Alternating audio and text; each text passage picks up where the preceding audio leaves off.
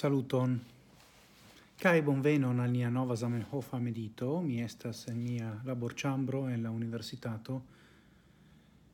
Kai mi volas legi con vi kai mediti con vi sur eh, el tiro e la tractaggio e senso che estontezzo iaro 1900 kai temas pri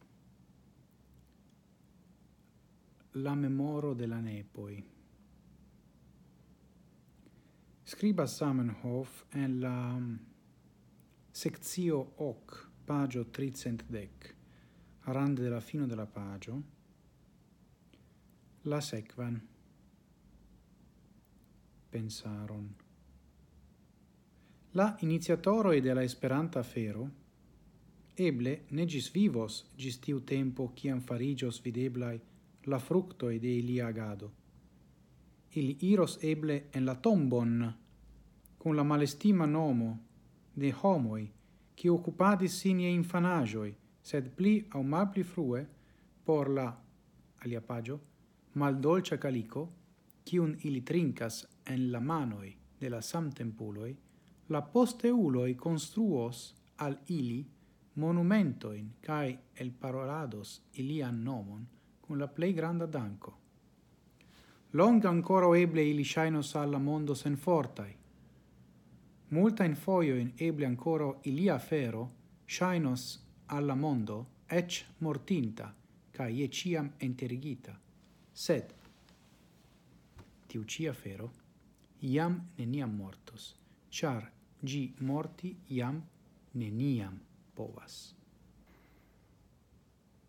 Kion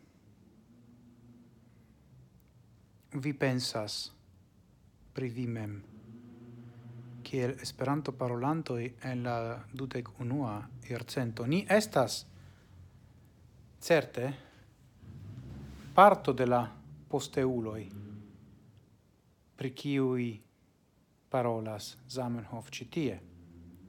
sed ni devas concedi la facton che nenio construis monumento in honore al ni au io simile.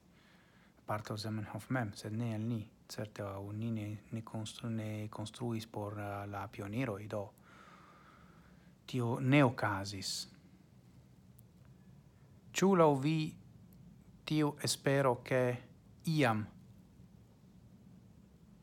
estos granda recono publica pri la gravezzo de, de la afero Esperanto estos grava al vi citiu racono. Char tio pensigas al mi. Mi reprenas momenton la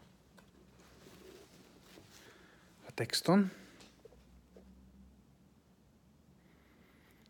Do, la fero neniam morto signifas che gi neniam atingos la celon. Do, Ĉu ne? Do kio pli gravas? Atingi la celon Au promeni sur la vojo por vivi dum la disvolvigio de la afero. Ien caso por cun mediti, cae tio compreneble ne rilatas nur al Esperanto, sed al multa aferoj, pri kiui ni volas